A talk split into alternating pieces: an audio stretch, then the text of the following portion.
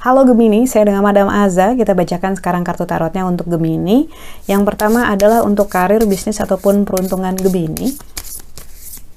Kartu yang keluar adalah The Lovers. Kartu The Lovers ini menunjukkan adanya komitmen dan tanggung jawab.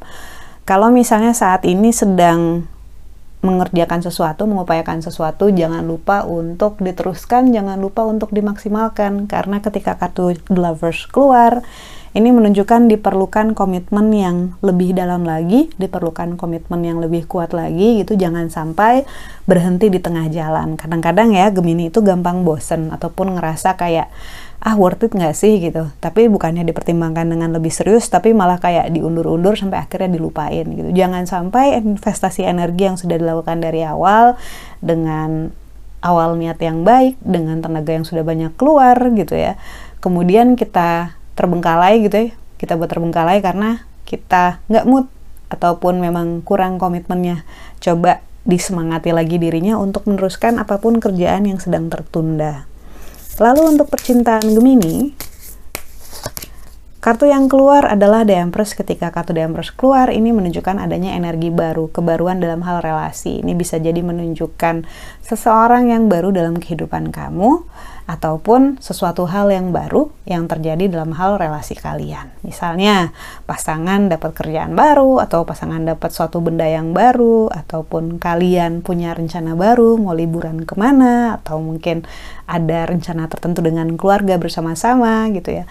Empress ini yang jelas menunjukkan energi baru, satu hal yang baru dalam hal relasi. Kita aminkan saja semoga ini adalah hal yang baik, hal yang kamu tunggu-tunggu dan sukai ya. Lalu kartu nasihat yang diberikan untuk Gemini, kartu yang keluar adalah The Hermit. Ketika kartu The Hermit keluar, ini menunjukkan seorang pertapa yang lagi dinasehati untuk nggak perlu ngebut kok.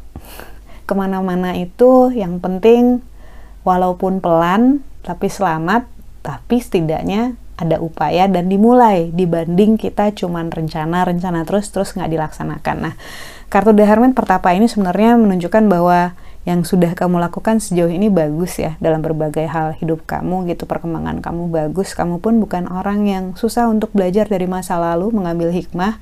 Kamu orang yang cukup bijaksana. Nah tapi kartu The Hermit ini bilang bahwa dalam melakukan sesuatu sebaiknya lebih uh, bukan waspada ya dalam melakukan sesuatu sebaiknya cobalah pikirkan efek jangka panjang, jangan hanya mencari yang mudah ataupun yang dekat saja.